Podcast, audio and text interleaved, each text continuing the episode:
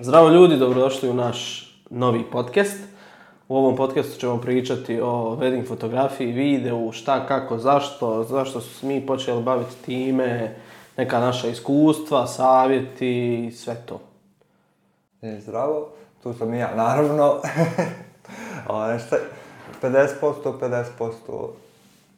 Sve e, to. A, kako da se počneš baviti zapravo wedding fotografijom, videom? Je li to nešto što si planirao da se baviš time ili se desilo? Pa iskreno, fotografijom kako sam se počeo baviti, nikad nisam kao ja želim fotografisati hranu, fotografisati arhitekturu, mladence... Znači, jednostavno se desilo, jel? A kako se desilo? A, kako... A, ko fotografi u Bostonu? Za sve smo. A, onaj, u neku ruku a,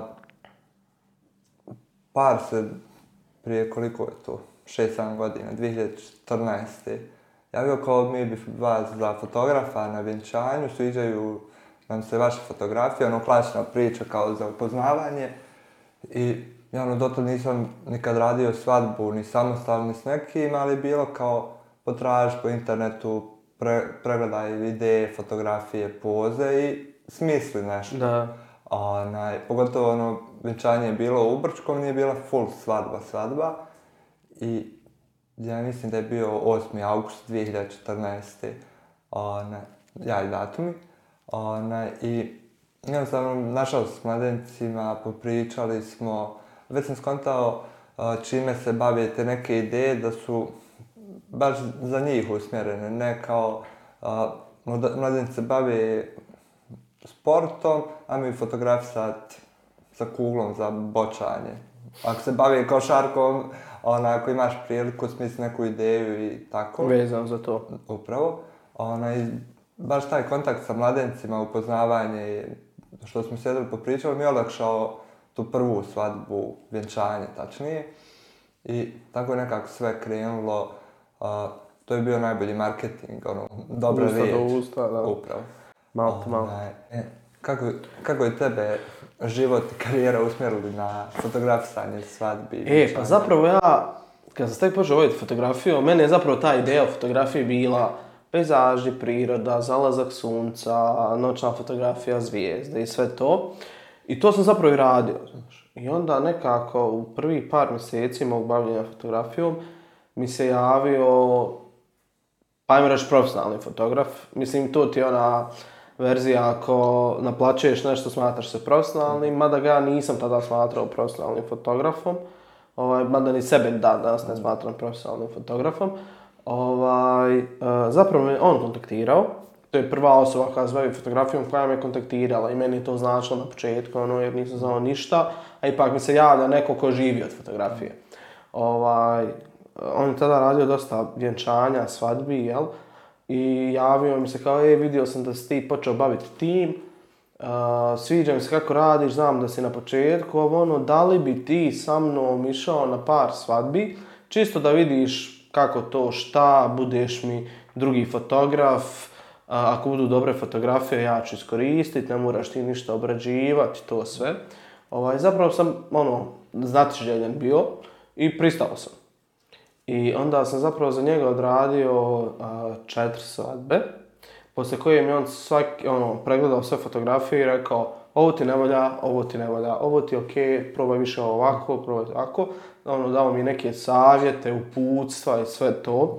Baš stručna kritika i direktno na što da Pa da, pa da, mislim, pazi, to je osoba koja je u tom trenutku odradila preko 100 svadbi vjenčanja. Mm. Ovaj, tako da opet ono, znači nešto njegova riječ, jel? Uh, iako je na Nikonu. ovaj, uh, I onda nakon te, čet, te četiri svadbe, ono što moram napomenuti, sam radio za nula maraka, znači besplatno, mm. što mi je bilo okej okay sa svim.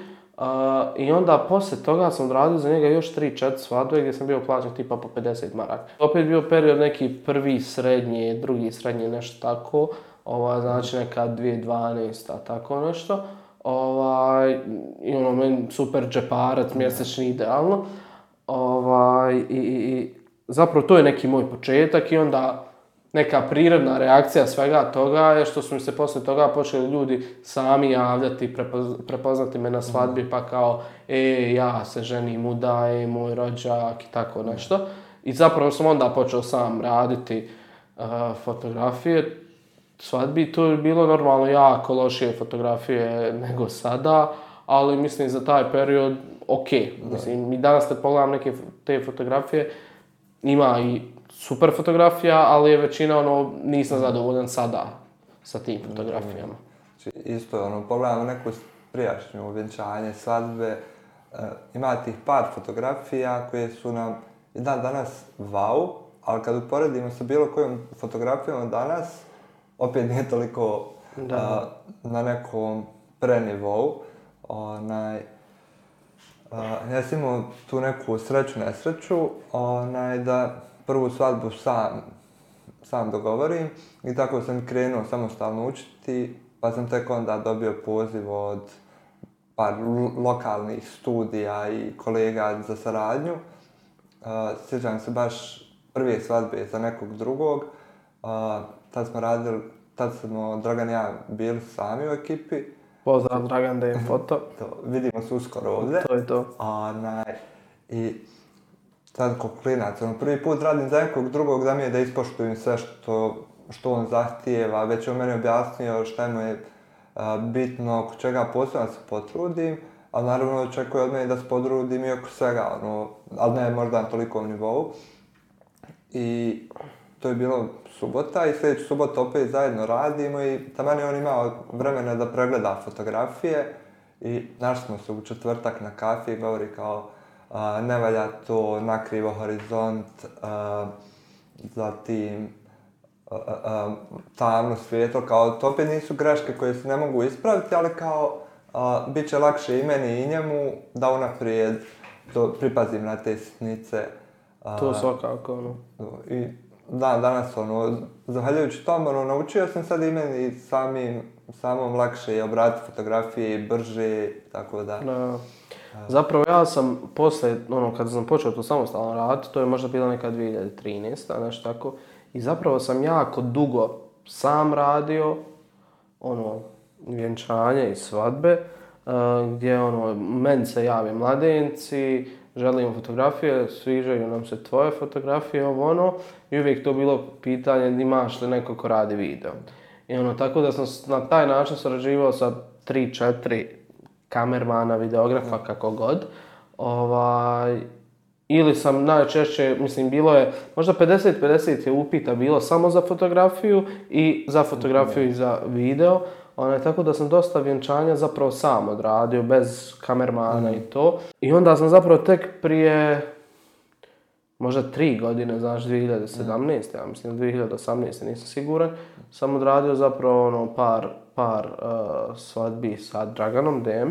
I ono, sviđa mi se tako kada radimo nas četvorica, ono, dva fotografa, dva kamermana, zato što je dosta lakše i bolje se uh, možemo izorganizovati za praćenje nekog događaja, da li to bio prvi ples ili nešto tokom ceremonije, jel, mm. tog cijelog dana. Uh, I zapravo su svi koji smo okupljeni oko te ekipe, ono, jako dobro sarađujemo, jako se dobro razumijemo, znamo šta treba zabilježiti sve, tako da je ono, dobra timska igra, jel, što se mm. kaže. U igrani smo poprilično. Da, i zapravo meni nikad, ni, nikad nisam ni imao ja ideju da imam sad nekog uh, ko radi video u sebe, da smo konstantno. Mm jer sam sađivao sa nekim kolegama i nije mi se sviđao finalni proizvod njihov, a opet mene će naprijed neko kriviti zbog toga, ja ću biti odgovoran, iako nisam ništa uradio po tom pitanju.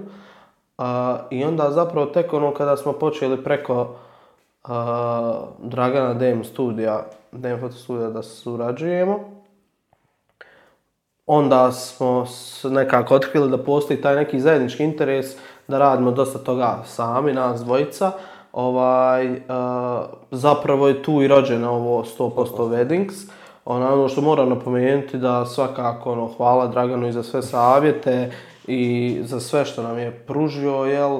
I dan danas ono, radimo neke, neka vjenčanja uh, zajedno s tim da smo se ono, dosta, dosta termina zapravo ti i ja Same, imamo, da. dogovaramo i to sve. Ono što me još zanima, mislim, generalno smo pričali malo o tome, ali nismo nikada detaljsali. Ok, počeo se raditi vjenčanje prije 6-7 godina i odradio se nebrojeno mnogo njih. Ovaj, što u Brčkom, što ne znam, Austrija, Njemačka, Hrvatska, Slovenija, šta god. Ovaj, uh, zbog čega još to radiš? Koji je, koji je razlog zašto si tako dugo u tome? Jer nemoguće, na primjer, da si tu samo zbog novca, ono, prestao bi već pri dvije, tri godine raditi, jer bi ti postalo dosadno. Mislim, ako te, ako radiš samo zbog novca, znaš da te to ne zanima. Okay. Zapravo, možda bi mogao bolje formulcati pitanje zašto te zanima wedding fotografija i šta ti je lijepo u wedding fotografiji i video u cijelom tom svijetu. E, pa ukratko, s obzirom nisam neka pričiva osoba i ne mogu reći društvena, ali opet više volim svoj mir, manje ljudi. Znači. Upravo. Onaj, opet mi je zanimljivo čuti svačiju priču od mladenaca, njih obradovati kad pogledaju fotografije, kad pogledaju video, on će, neće sjećat da li sam ja bio u ovoj majici, da li sam bio u bijeloj košulji, nebitno. Potrudim se mi uvijek da se picnemo, što bi se reklo. onaj, ali on će se uvijek sjećati mene, tebe, kao ona dva momka, Omar Rami, 100%, 100 weddings, a, te njihove uspomene, kako smo zabilježili taj njihov dan, znači, to, je, to mi je neka, ajmo reći, nešto što me tjera, da zabilježim ljudima taj poseban dan, najbolje što mogu. A, isto pitanje za tebe, vjerojatno i ti često razmišljaš o tome, ali...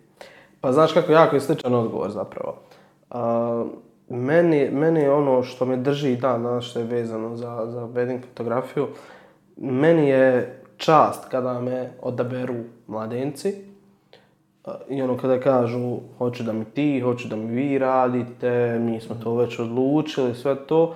I jako mi je drago zapravo kada nas mladenci kontaktiraju čak i prije rezervisanja sale i svega ostalog ili desilo se par situacija ove godine gdje su nam naši mladenci uh, bukvalno su prvo nas pitali ko, koji datum smo slobodni u tom i tom periodu, da onda zbog, prema nama sve ostalo rezervišu.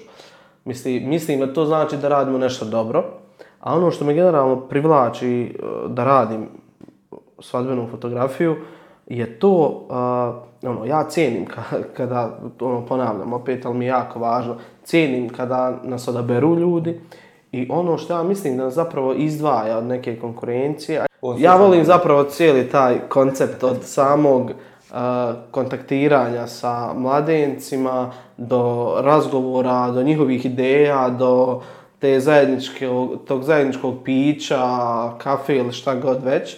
Ovaj, I zapravo, mislim, kada malo razmisliš, oni te puštaju svoje živote, ba, makar to bilo na jedan, dva dana, tri, nebitno. Mm -hmm a, imaju povjerenja da ćeš ti odrati to najbolje što možeš i da će sve biti zabilježeno, da će se sjećati svakog detalja zbog tih tvojih fotografija i videa.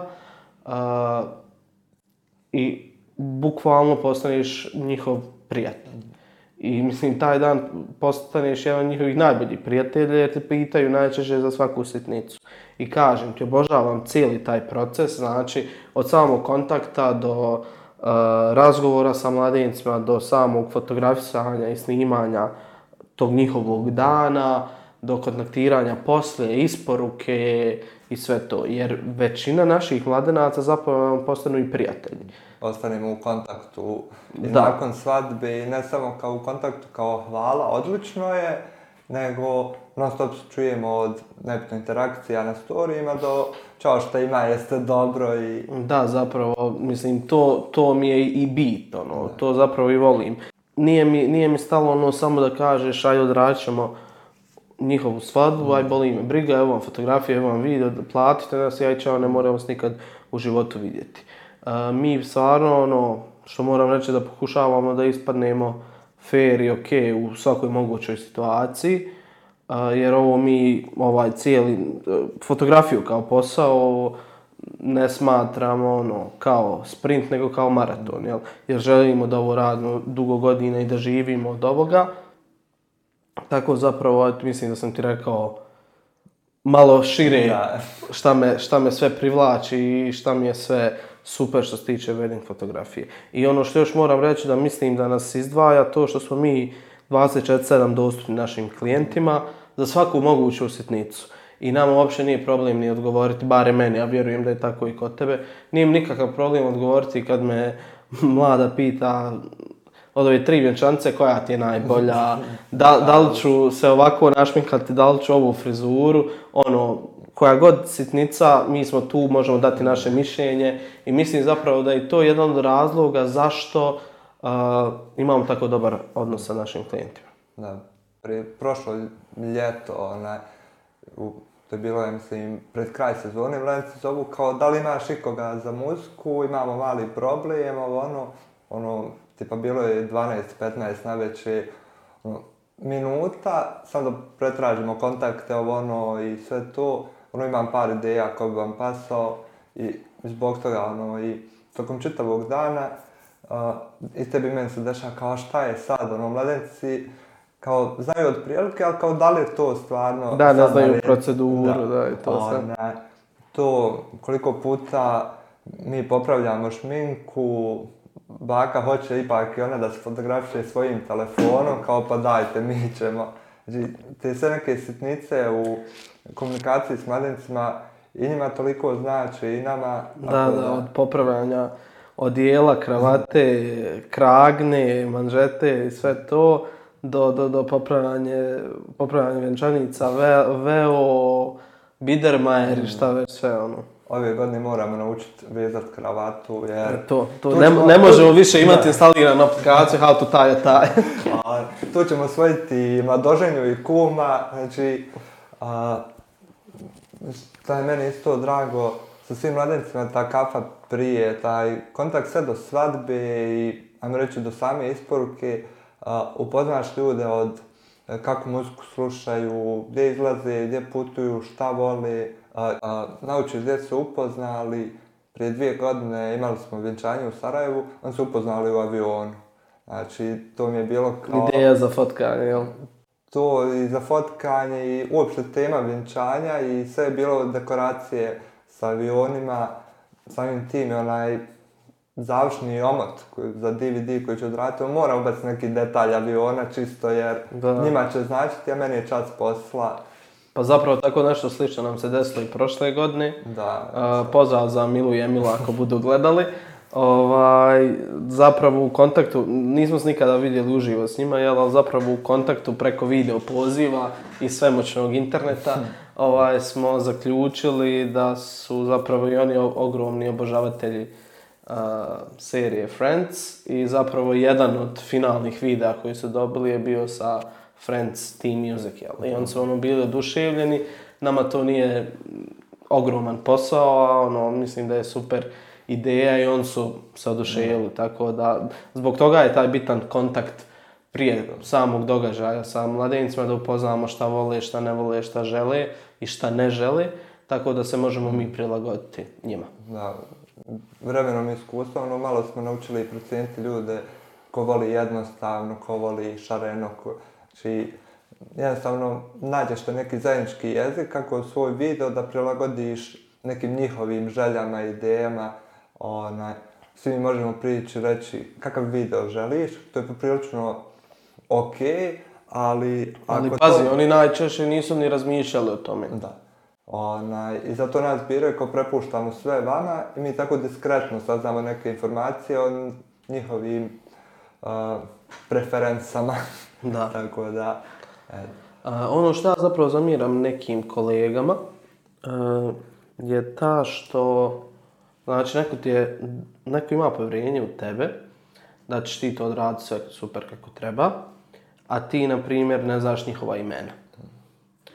To mi, ono, totalno mi nije okej, okay, jer To, ali to znači še kolege koji ne rade tako kvalitetno, upravo zbog tog odnosa kao ono, sve jedno mi aj samo no, da, da odradim. Da odradimo i hvala to, prijatno. Onaj, to, to jako zamiram, drago mi je što smo to odmah na početku se dogovorili da to nema šanse i što imamo taj neki drugačiji odnos prema mladencima. To mi je jako drago. Ajde, ok je što pamtimo mladencima imena koji se nama javili u poruke i čuli smo se milijon puta, ali naprijed evo obojica smo radili za Dragana i mladence upoznamo to jutro i mi imamo to prvo upoznavanje, zapamti ime. Ja naprijed dok radimo spremanje mlade, ali ono, ne doživim bukvalno u sebi kao ono, ime ponavljam. ponavljam. Čisto da ne bi uh, morao u tom danu reći hej ti ili opet ljepše se ja osjećam i mladerno doživljam kad,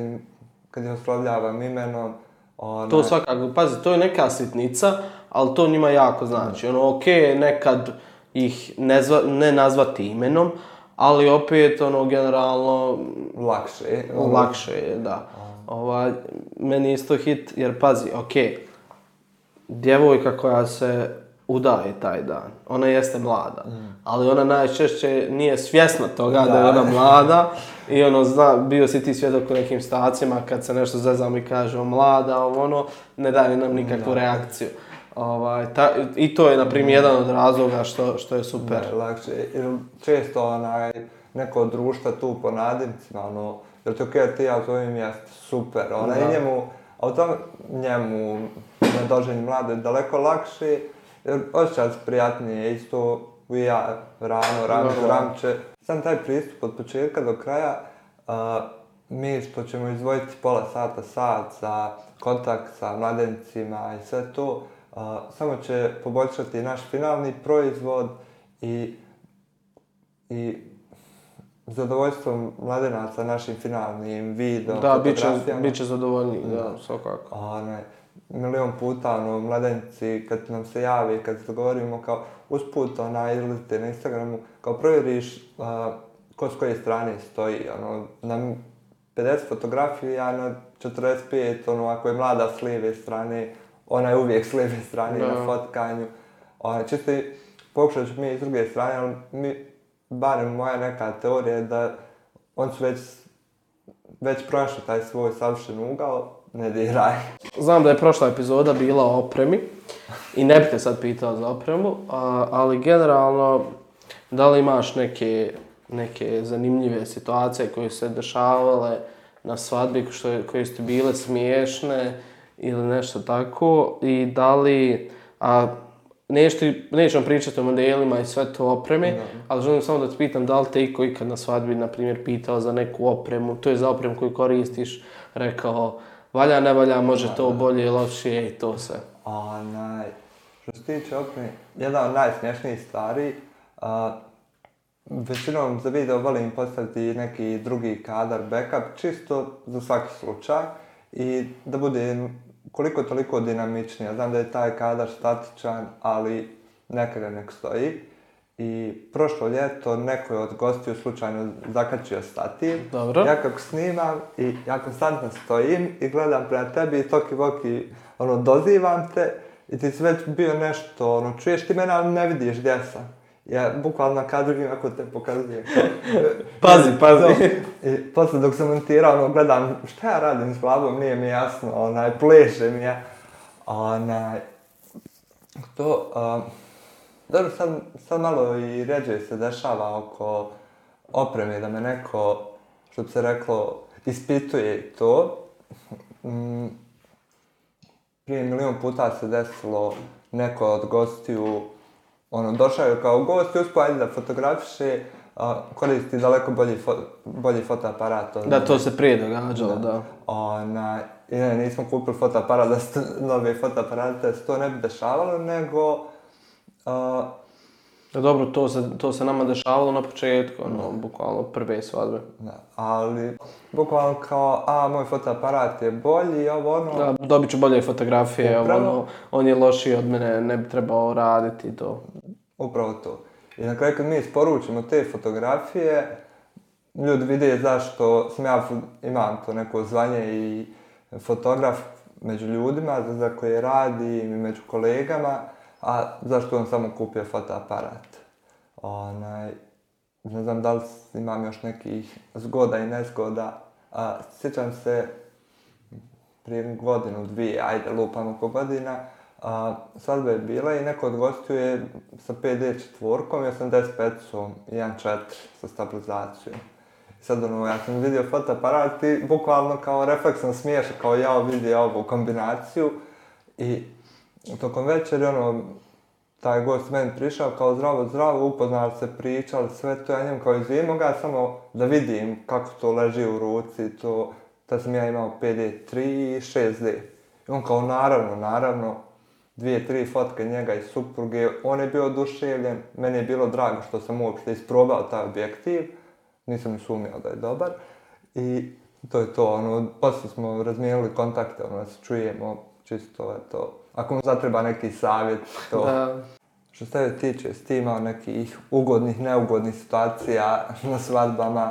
Pa, svakako da jesam. Ovo, jedna od, od prvih, nekih koji se sjećam, jel, tih situacija vezan za opremu, možda zapravo jedna od rijetkih, to je bilo možda pre nekih 4-5 godina, e, zajedno smo radili vjenčanje Azur i ja, e, pozdrav Azure, vidimo se ubrzo, ovaj, i zapravo sada neka, nešto smo mi čekali, uglavnom sada smo sjeli za neki sto, i dolazi sad klinac Azur, ja smo imali otprilike iste fotoaparatu u tom periodu, i sad dolazi, mislim, on imao 600D, ja sam imao 650D i sad dolazi klinac do nas, neki tipa 5-6 godina, i kao trči oko stola i ono stadi sad gleda meni fotoaparat, ide do Azura, gleda u Azuro fotoaparat. I kaže, a, moj tata ima 6D kao onako bez veze mm. fotka, a ono 6D full frame ima ono slabi mm. aparat to sve. I Azura ja samo pogledam i kao, šta ćeš onda? Mada su to bilo jedno od prvih naših no. svadbi zapravo. A, pa ne znam, zapravo generalno svakoj svadbi ima neka, neka setnica koja se dogodi. Ono što nam se često događa u posljednje vrijeme je ono, kada kum predaje prstenje na vjenčanju, na doženje, da vam doženja ispruži ruku i ono očekuje da mu stavi kum prsteni, pa onda ono, skonta sa sekunde. Ali vjerujem da je to sve zbog neke nervoze i uzbuđenosti. Ali uglavnom, mlade, e, mladoženja, ako vam se to desi, ne brinite, desilo se mnogima. Uh, I ono... Nama desi, vjerovatno. Mm, vjerovatno. A, bilo još nekih zanimljivih situacija gdje, ovo isto bilo prije 4-5 godina, gdje sam radio neku, neku svadbu 28. decembra. Tako, 27. 28. decembar.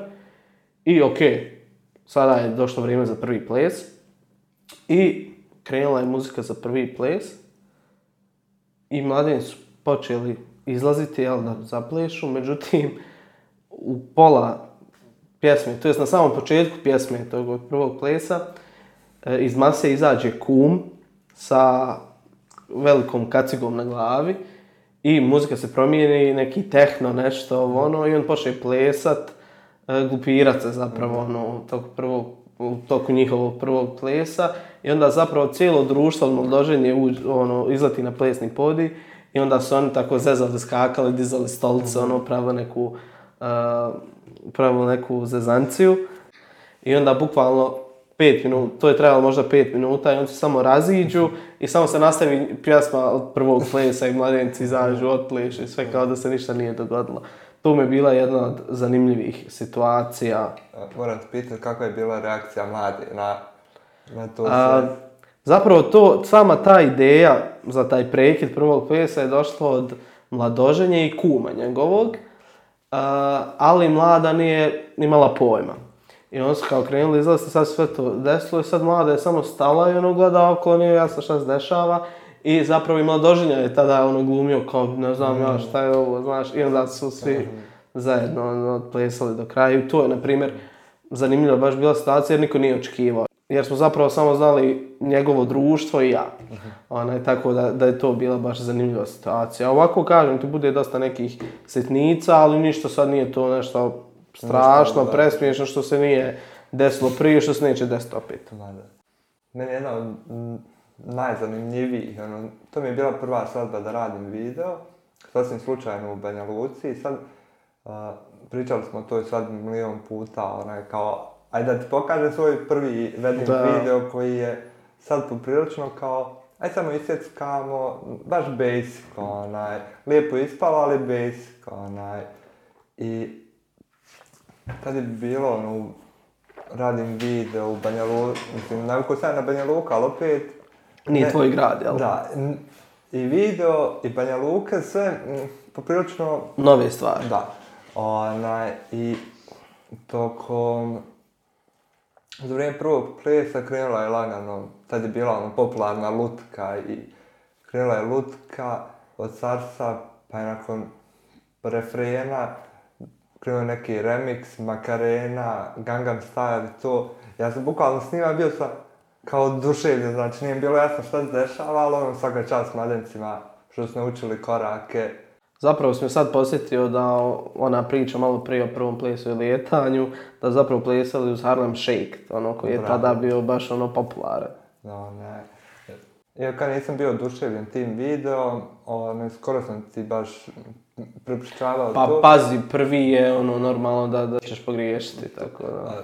Nisu to greške, to opet nije na nekom nivou kao sad, ali logično, jer svaka svadba je nova Izazov. lekcija. Da, ona, I skoro je bio neki post na Facebooku, kao neko traži i fotografa i kamermana i Zoran Željka, mene označava, ja sam bio ono kao, jo, hvala vam. Ono, Znaš da sam što odradio... Kvalitetno, da. Što da se zadovolj. njima sviđa, da. A. Ono što sam te još htio pitati je da li imaš neke savjete za ljude koji tek počinju se baviti tom vrstom fotografije, na šta da obrate pažnju, šta mogu očekivati i tako neke stvari. O, ovaj, nakon sto svadbi, minimalno sto, onaj, na svakoj svadbi, ja ono, upoznat se more stvari, nije ne znam šta da očekujem, ono, znam prije gdje, odakle su mladenci, gdje ćemo se fotografisati, sve to, ali opet, koliko god da se trudiš, ne možeš biti spreman na sve. Onaj, neki osnovni savjet kao ponesti puno baterija, memorijski, a, e, vode, znači, pogotovo ljeti, onaj, stvarno bude... Hidratacija je bitna. Da one, uvijek mi dobijemo ono i da jedemo i da pijemo na sadbama, ali opet dodatno vode je uvijek dobro došlo. Uh, što se tiče nekih striktno za fotografiju, ono što sam ja vremenom naučio, a, uh, treba pustiti mladence, samo im dati prijedlog, i onda ono nek, slobodno im recite, nastavite se maziti, opušte, ono, kao god vi inače da se grlite, slobodno se zagrlite, onaj, tako da, to je neki osnovni savjet. One, prušite im tu slobodu da oni a, dali smo im prijedlog za pozu, kako da stanu i sve to, ali oni opet nek malo prilagode sebi i a, za većinu stvari kad pogledam sad fotografije neke poze od more poza koje smo izmijenjali, a, što bliže je da stanu, puste ih, nek se grle, nek se ljubi, jer su čitav dan bili kao u obavezama. da, ono, svako već snima od gospoda da se fotografiše, da popriča, da nazdravi, puste ih nek uživaju, tako da i to im uvijek dam ono vremena i prostora. Ne trebam vi popričajte o nečem večeras, što mislim večeras tog sale što ste u planu, ono, ne želim da vam ja još tu smetam, tako da. Ono, da. Ako je neko od mladenaca pušač slobodno, ne žurimo nigdje. Odmor, da. Da, onaj, dvije, tri minute, nećemo ništa izgubiti, ali ako tebi znači da malo odmoriš, duđeš tebi slobodno. Pa ono što bih ja preporučio ljudima koji se tek počinju baviti wedding fotografijom jeste da, ok, puno baterija, puno kartica, ono, jer morate shvatiti da je to neki moment u njihovim životima, za koji ste vi odgovorni na neki način. I tada vam se ne smije dogoditi da vam, da nemate baterije, da vam, ne znam, da vam je puna memorijska, da to ne možete fotografisati i to znači za to ste odgovorni 100%. Uh, preporučujem još da, da su u kontaktu sa mladincima često. Uh, šta znači često, ne moraju pisati sada svaki dan, ali čisto da se čuju sa mladenicima, pa, ono da pitaju da li ima nekih promjena, treba doći ranije, mm. kasnije, gdje, šta, kako. Ovaj, ali isto tako, još nešto moraju sa tenčke strane, barem ja mislim da moraju. Moraju znati jako brzo mijenjati postavke na fotoaparatu ili objektive.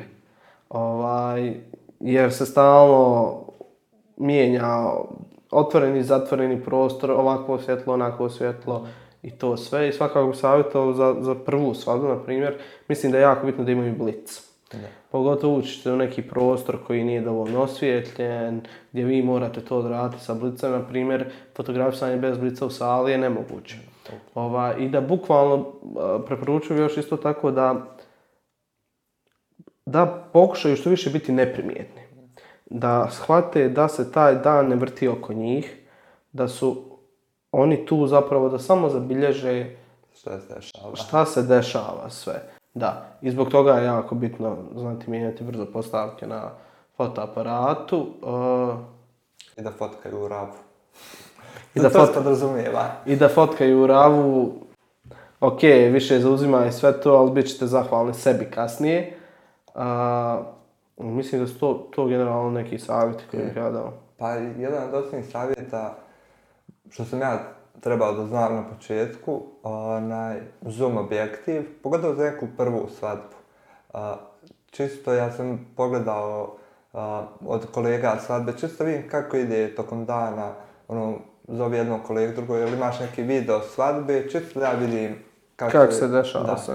I ono, pogledao, ja sam koliko, tri i po, četiri sata gledao tuđu svadbu, ljudi koji ne znam, ali dovoljno da ja upoznam proceduru, uh, običaj, sve to.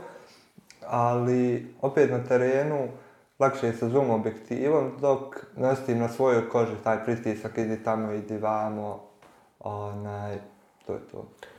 Pa dobro, da, to za početak svakako. Mm. Meni su, mislim, mada, ono, ima dosta kolega koji dugo rade, ali rade samo sa zoom objektivima. Uh, meni kako sam ono sa 50-kom ušao taj svijet fiksnih objektiva ne mogu naći zamjenu. Nekako su mi više filmske fotografije ovo i sve to. Ovaj više su mi filmske fotografije nekako su mi ljepše od od ovih sa zoom objektivom. Nisam još probao onaj 2870, ali ovo što ćemo nekako kasnije.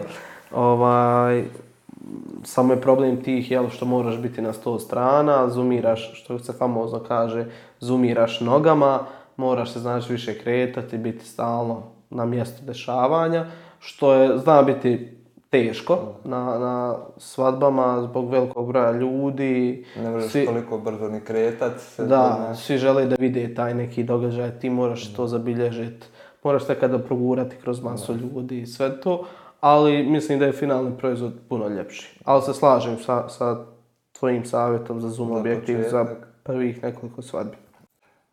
Dvije stvari koje sam još vremenom skontao je da s mladincima moram biti full opušten, da im bez problema mogu reći imate mušcu u kosi, imate list e, u kosi. Da, nešto, nešto što nije okej, okay, da, što da. ne bi trebalo biti tu. O, ne, jer to je meni, ono, mora, bolje da im kažem nego posle ili da se ja namučim u obradi, nije mrsko, ali opet prirodnije sve. Ili da se ne mučiš u obradi, onda oni vide fotografije i kaže mm. video ima mi nešto crno na, na čelu, a nije mi rečeno i to. to.